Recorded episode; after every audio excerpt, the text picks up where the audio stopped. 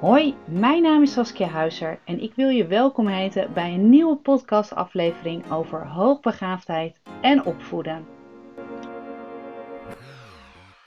In deze podcast ga ik het vandaag hebben over autonomie. En nou zul je misschien denken, als je al vaker een podcast van mij hebt beluisterd, Saskia, je hebt het hier zo vaak over. Ja, dat klopt, want autonomie is een van de belangrijkste punten of onderwerpen eigenlijk die iedere keer naar voren komt bij kinderen met een ontwikkelingsvoorsprong of hoogbegaafdheid. En ja, autonomie, wat is dat nu eigenlijk? Nou autonoom zijn is eigenlijk een bepaalde vorm van onafhankelijkheid.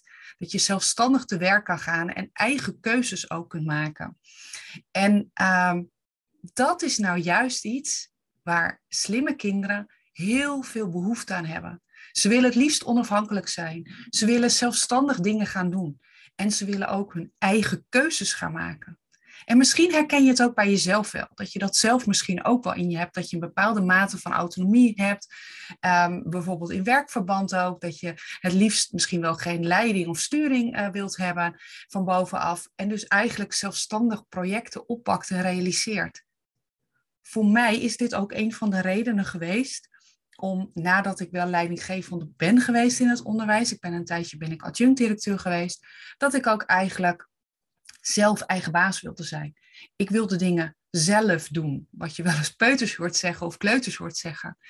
Ik wil zelf gaan kijken hoe ik andere mensen, en in dit geval jou als ouder of als leerkracht als je dit luistert, wil helpen bij uh, ja, het opvoeden of begeleiden van hoogbegaafde kinderen ik wil daarin mijn eigen keuzes maken. Ik wil daarin niet een bepaalde um, ja, manier zeg maar, volgen.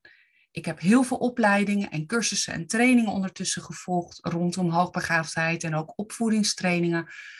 Maar ik denk dat op een bepaalde manier het, um, ja, het beste zeg maar, bij jou overkomt, of tenminste wat ik kan overdragen aan jou. Om even weer het bruggetje te slaan naar hoogbegaafde kinderen die hebben dus heel erg die drang naar, ja, dus zelf dingen doen. En misschien herken je het wel, ik weet niet hoe oud jouw zoon of dochter is, maar misschien herken je het nog wel eventueel van de peutertijd, dat je kind misschien heel vaak zei, zelf doen, of dat je kind helemaal niets wil aannemen van jou.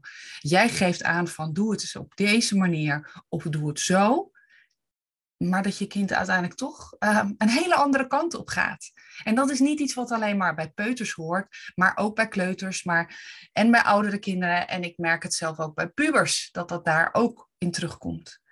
En dat hoort natuurlijk ook, om even weer naar pubers terug te gaan, dat hoort ook bij de uh, ontwikkelings, zeg maar, fase van, je, van uh, een puber. Maar hoogbegaafde kinderen hebben dit nog meer aan de ene kant willen ze dus heel graag die onafhankelijkheid hebben, dat ze dingen zelf kunnen doen en zelf keuzes kunnen maken. Maar tegelijkertijd is dat ook heel erg spannend en vinden ze dat ook heel erg moeilijk. En weten ze eigenlijk niet precies hoe ze dat ook ja, kunnen doen. Alleen, ja, hulp vragen aan je ouders, hmm, dat is vaak wel even een stapje te ver. En dat doe je gewoon liever niet, want dan laat je misschien wel zien dat je iets niet kunt. Of dat je misschien faalt. Tenminste, dat is dan in wat in het brein van een uh, slim kind zeg maar, naar voren komt. Nou, ik krijg de afgelopen weken vrij veel vragen binnen via uh, mijn mail. En dat vind ik ontzettend fijn ook, want ik wil uh, jou als ouder helpen. Dus stel gerust je vragen. En ook aan de hand van uh, mailtjes van mensen die op mijn nieuwsbrief staan ook. Die geven aan, Saskia, mijn kind wil heel veel, maar uiteindelijk zeg maar luisteren of iets willen aannemen van ons, ho maar, wat kan ik daarmee doen? Nou, ik wil je er eigenlijk even meenemen, uh, of ik wil jou meenemen in een verhaal uh, met een, moeder die ik, uh, denk ik, anderhalf, twee jaar geleden heb geholpen. En zij gaf aan, en in dit geval is het even een peuter, want ik wil het in verschillende leeftijdscategorieën doen, maar bij haar peuterkind kwam naar voren dat, uh, dat uh, zij niet wilde ja, luisteren. En vooral de strijd aangaan. Nou zeggen ze wel eens peuterpuberteit. Uh, en dat dan kinderen inderdaad uiteindelijk ja, een soort strijd willen voeren. Dat past ook bij die fase ook in, uh, in het leven. Maar um, deze moeder gaf bij mij aan, Saskia, ik word er ik, ik weet gewoon soms niet wat ik moet doen. Ik word er helemaal gek van gewoon.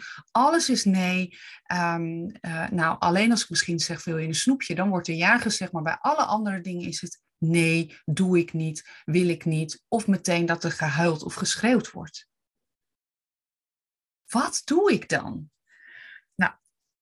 Ik kan heel veel concrete ideeën en oplossingen bieden, maar ik wil eigenlijk jou ook aanzetten om mee te denken, zeg maar, wat er gebeurt bij je kind ook in zijn of haar brein. Want probeer je heel even voor te stellen dat als jij in het lijfje, zeg maar, zou zitten van jouw kind, ehm, en jij zou zo reageren ook als je kind, wat zou jij dan nodig hebben? Nou, toen ik deze vraag stelde aan deze moeder, toen gaf ze aan, ja, ik heb in ieder geval niet iemand nodig die er bovenop gaat zitten en die als het ware gaat zeggen, en nu moet je dit doen. Of die dus zeg maar met stemverheffing, boos worden, op de trap zetten, straf geven. Iets in die trant, dat heb ik niet nodig. Ik zeg, nou, dat vind ik al heel, heel goed van je, dat je dat zelf inziet. En toen gaf ze meteen ook daarop aan, of daarna zei ze ook, oh, maar dat doe ik heel vaak ik zeg eigenlijk als mijn kind iets niet doet op de manier zoals ik het wil, dan zet ik mijn kind eigenlijk ja, op, het, op het rustplekje of op trap. Of ik weet niet meer welke plek ze benoemden, maar uh, meeste ouders hebben dus vaak wel zo'n plek. En uh, in het geval voor oudere kinderen hoor je vaak van ja, dan zeg ik gewoon van ja, nou dan uh, mag je iets niet. Of dan, ja, dan wordt er een soort straf of sanctie gegeven. Ik zeg ja, inderdaad. En wat, wat zou jij dan eigenlijk wel willen als jij even jouw kind zou zijn? En toen dacht ze lang na. En toen zei ze, ja, ik zou het veel fijner vinden als sowieso mijn moeder of mijn vader zou zeggen, van nou, misschien zou je het zo kunnen doen. Is dat een idee? En in ieder geval dat, dat er geen stemverheffing plaatsvindt of geen boosheid of geen sanctie meteen erop volgt. Oké, zei ik toen tegen haar. Ja, nou, dat vind ik al een hele mooie manier eigenlijk. Hoe je dan uh, ja, ergens in verbinding, in contact blijft met je kind ook. Op die manier blijf je namelijk op een positieve manier communiceren. En twee weken daarna sprak ik haar weer. En toen gaf ze aan Saskia, er is al zoveel veranderd. Ik heb het gevoel dat we dat uh, mijn kind niet meteen nee zegt, maar mijn kind wil nu ook meer luisteren ook naar mij, naar mijn ideeën. En we proberen ook eigenlijk samen tot een oplossing te komen. Ze zegt, ik vind het ongelooflijk moeilijk, want ik wil het liefst wil ik mijn oplossing geven, maar mijn kind gaat nu nadenken over een oplossing aan de hand van de tips die ik misschien heb gegeven of de aanbevelingen. En gooit er een beetje een sausje van zichzelf bij en komt daarbij tot een oplossing. Ze zegt het is niet de oplossing waarvan ik denk dat is het meest handige of het meest snelle. Maar mijn kind komt wel tot een oplossing waar ik me best wel aardig, nou ja, oké mee voel. En eigenlijk ook um, is dit ook iets wat je in gedachten moet houden op het moment ook dat je denkt van ja, mijn kind wil gewoon niet aannemen, want mijn kind wil alles zelf doen. Als je kind die beslissing ook neemt van ik wil dingen zelf doen, dan mag dat ergens ook binnen de kaders altijd die je zelf als ouder hebt met normen en waarden. Maar geef wel bepaalde kaders aan binnen welke grenzen jouw kind mag gaan oefenen. Moet het allemaal zo zoals jij het wil? Ja, misschien sommige dingen wel. Jij wil denk ik iedere dag dat je kind s ochtends en s avonds in ieder geval tanden poetst. En misschien wel handen was naar uh, het wc gaat of naar toiletgebruik. Dat zijn dingen die bij jou horen. En die passen ook. En daar moet je kind gewoon aan voldoen. En dat is gewoon een huisregel, zeg maar. Maar als je kind wil proberen om um, bijvoorbeeld ik zit even te denken wat voor voorbeelden, dan gaan er heel veel door mijn hoofd. Maar bijvoorbeeld niet bepaalde kleren wil aandoen of niet haren wil borstelen, ochtends, omdat het een, een strijd is met klitten in haar van je dochter misschien wel. Wat dan? Nou, je kan iedere dag kun je een strijd aangaan daarvoor en zeggen van ja, je haar moet geborsteld, ondertussen komt je kind bijvoorbeeld te laat op school. Um, maar je kan ook zeggen, er zijn twee mogelijkheden mogelijkheid is, ik wil je haar borstelen maar dan moet je er heel even doorheen. Dan moeten we even met dat klittenborstel moeten we even nou ja, doorzetten, zeg maar. En is het even vervelend. Of we doen er speciale spray in of zo, dat er minder klitten komen. En de andere keuze is, als jij dit niet wil, dan ga je met je ongeborstelde hoofd naar school toe. En dat is prima. Dat is helemaal niet erg, ook dat dat gebeurt. Maar dan weet je kind, dan is je kind, zeg maar, heeft de autonomie gekregen van, nou, je maakt zelf de keuze, de keuze tussen twee dingen. En dat is het dan.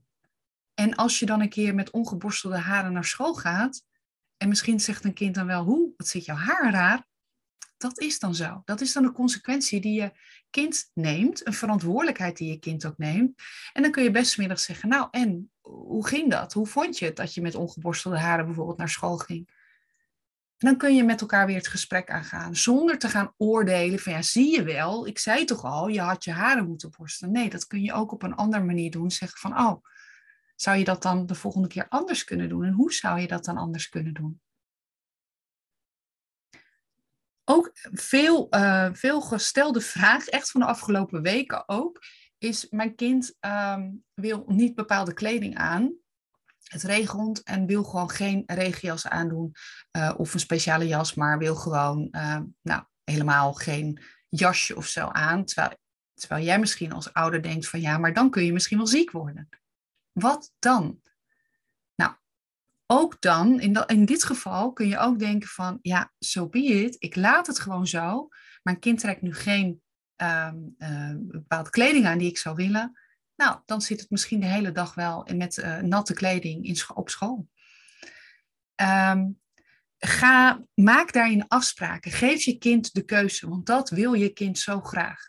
Dus als je denkt van ja, ons kind wil niet aannemen van ons, probeer te kijken of je een keuze tussen twee zaken kan nemen. En het mooiste is ook nog als één van de punten dan die je aangeeft van de keuzes, dat dat bijvoorbeeld iets is wat jij als ouder nou zelf misschien vindt. En de ander is van jouw kind of eventueel een beetje gevormd. Die, die, is, die is gekneed met een beetje van jou als ouder en een beetje van je kind. Dit is ook iets wat je ook kunt inzetten bij, bij oudere kinderen. Dit geldt niet alleen voor jonge kinderen. Als je iets wil bereiken, dat je kind uh, huiswerk gaat maken of zo, probeer met elkaar te gaan bekijken. Oké, je moet dit zeg maar doen binnen een bepaalde tijd, maar je wil misschien wel gamen of iets anders doen. Hoe zouden we dat kunnen oplossen? Ga in gesprek met elkaar. En daarmee geef je je kind het idee dat je zoon of dochter een beetje mag meedenken, of misschien wel een beetje meer. En voor jou als ouder is het een lesje loslaten misschien wel. Een lesje dat niet alles op de manier kan zoals jij dat wil. En dit klinkt misschien heel gek, maar hoe eerder en hoe jonger je hiermee begint, hoe meer oplossingsgerichte ja, methodes je eigenlijk je kind aanleert. Ik heb hier ook een van de eerdere podcasts ook over uh, ingesproken. Um, en het andere is dat je ook voor jezelf als ouder niet alles precies zo wil zoals jij dat in gedachten hebt. Dus een kwestie loslaten, misschien ook wel een klein lesje perfectionisme.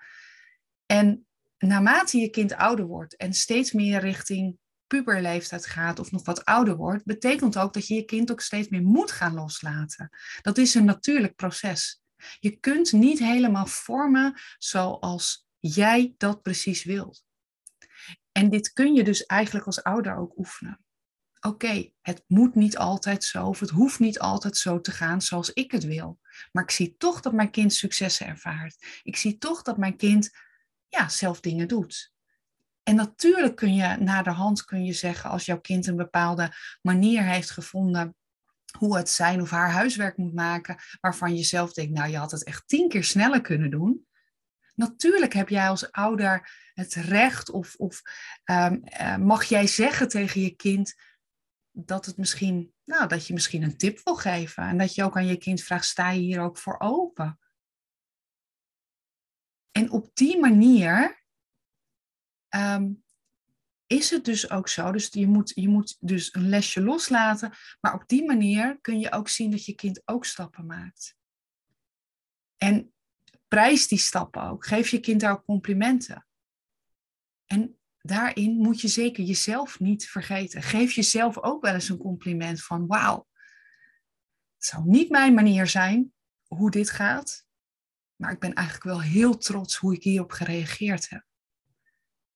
En op het moment dat je merkt, hoe ik kan mijn geduld gewoon niet bewaren. Het, het, is, het is me too much. Want, je, want die momenten heb je gewoon. Je kan niet altijd rustig, aardig, positief en vriendelijk blijven. Nee, ik kan het ook niet. Ik word soms ook wel eens ongelooflijk boos. En dan kan ik ook wel eens gaan schreeuwen of bijna stampen en even weglopen. Maar dat laatste, dat weglopen, dat zorgt ervoor, dat zeg ik ook tegen mijn kinderen. Ik ben nu even heel boos, jongens. Ik heb dan twee zoons. Ik ben even heel boos, jongens. Ik ga heel even naar boven. Ik moet heel even rustig worden. Ik kom er zo op terug. Dat zeg ik dan wel met iets verhittere stem natuurlijk.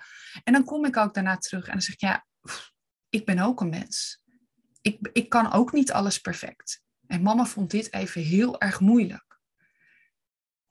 Wat ik ook wel eens doe met, met mijn man, is dat uh, hij heeft soms wel momenten dat hij zijn geduld niet kan bewaren en ik wel. Dan neem ik het even van hem over. Ik weet niet of je een partner hebt, maar als dat wel zo is, probeer dat dus met elkaar te bespreken.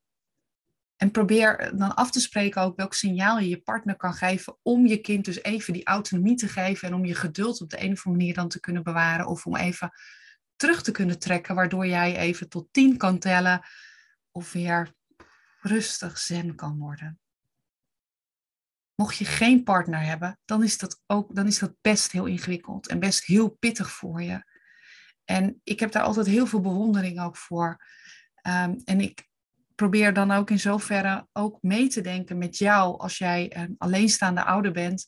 Van hoe kun je het dan doen? Het belangrijkste is dat jij hierin je grenzen aangeeft. Eigenlijk geef jij ook heel even je autonomie aan. Even waar jij jouw keuzes liggen.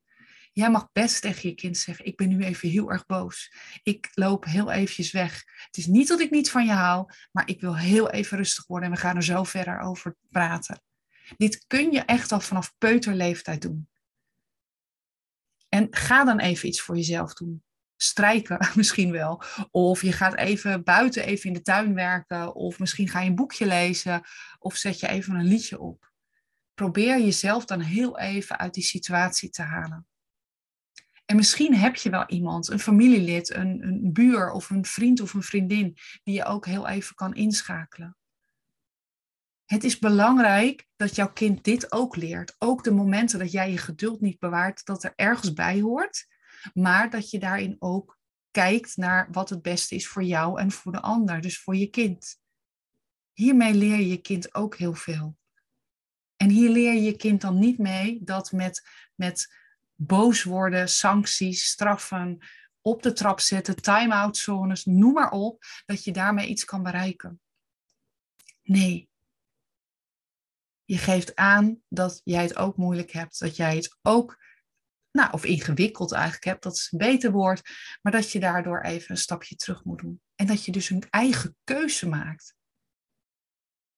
En andersom mag jouw kind die dus ook nemen jouw kind mag even nadenken ook van, hé, hey, ik neem nu ook even de keuze om even eruit te stappen. Heel veel heb ik verteld over autonomie en over wat je daarmee kunt doen en hoe je het kunt stimuleren. In ieder geval het belangrijkste is het stimuleren tussen bijvoorbeeld twee keuzes geven, waarvan één misschien van jou en de ander misschien van je kind een beetje en misschien ook nog een beetje van jou als ouder. probeer je grenzen wel aan te geven. Maar blijf dat doen en hoe makkelijk dit ook klinkt, op een fijne manier. En probeer die autonomie, zelf keuzes te maken, zelf die zelfstandigheid te geven. Probeer dat te stimuleren. En misschien nog een paar laatste tips, wat fijn is, uh, zeker bij jonge kinderen.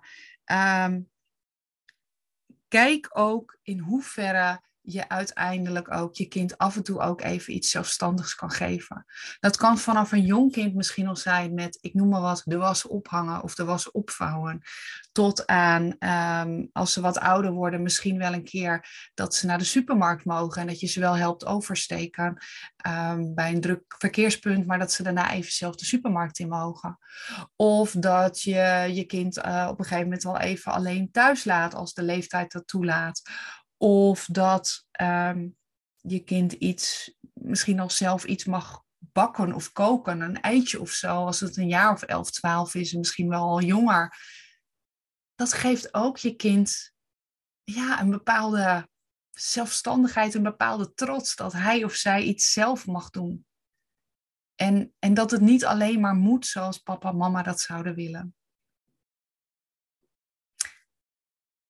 Dit was de podcast van vandaag. Ik hoop dat je er iets aan hebt gehad. Dat je het gaat proberen voor jezelf om lief voor jezelf te zijn. Want je doet het goed, jij ouder. Uh, je luistert al naar deze podcast. Dat betekent al dat je eigenlijk al iets wil, in gang wil zetten, een verandering. En dat is al fantastisch. Dus wees trots op jezelf. Wees niet te streng. En wees uh, die strengheid, ga die ook niet overdragen naar je kind toe. Jij hoeft niet alles goed te doen, maar je kind dus ook niet. Denk daar goed aan. Op die manier kun, kun jij je kind autonomie gaan geven. Dankjewel voor het luisteren, voor deze podcast. Um, ik hoor heel graag je ideeën, je, je, je vragen, je tips, maar ook je succeservaringen naar aanleiding van deze podcast. Super leuk om dat ook te horen. En um, dankjewel en tot een volgende podcast.